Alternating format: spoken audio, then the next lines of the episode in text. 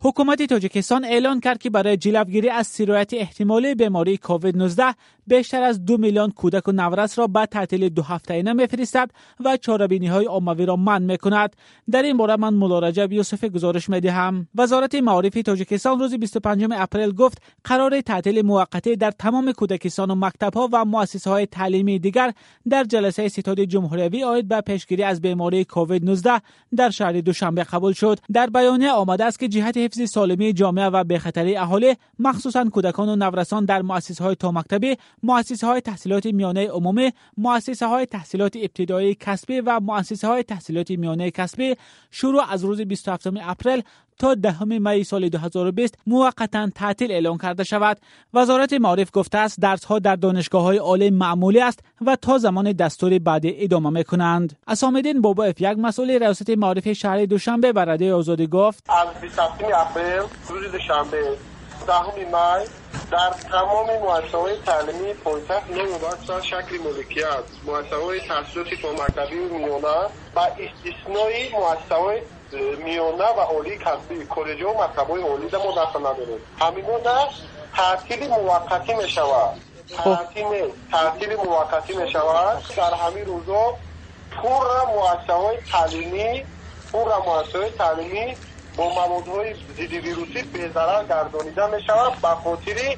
پیشگیری همه بیماری های سیرایتی به دنبال بیانیه وزارت خبرگزاری دولتی خاور گفت ستاد جمهوری که آن را نخست وزیر قاهر رسولزاده رهبری می کند قرار کرد که برگزار کردن همه گونه چاربینی های عمومی از قبیل مشورات و همایش ها چاربینی های ورزشی نمایش های کینا و تئاتر من کرده شوند. معلوم نیست حکم اجرای این دستور تا کی است.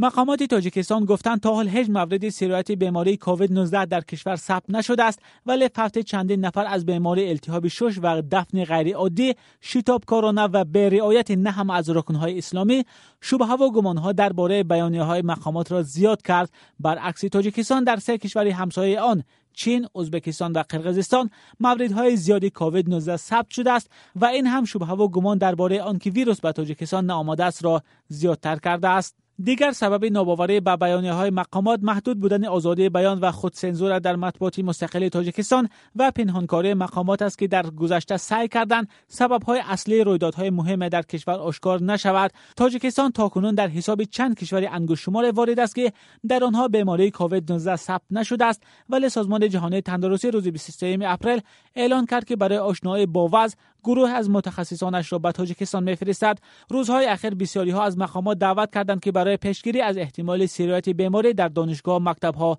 تعطیل اعلان کنند. یک قرار دیگری ستاد جمهوری آید به پیشگیری از سرایت کووید 19 درباره منع صادرات غلهدانه از تاجیکستان بوده است. خبرگزاری دولتی خاور می‌گوید در ستاد قرار شد که با مقصد تامین امنیت اوضاع قواری و تامین بازار استعمالی با محصولات وطنی از تاریخ 25 اپریل سال 2020 از حدود جمهوری به خارج صادر کردن همه گونه محصولات غلهدانگی از قبیل آرد و گندم، شاله، برنج، نسک، نخود و ماش، تخم پرنده، کرتاشکا و همه نوع گوشت موقتا من کرده شود.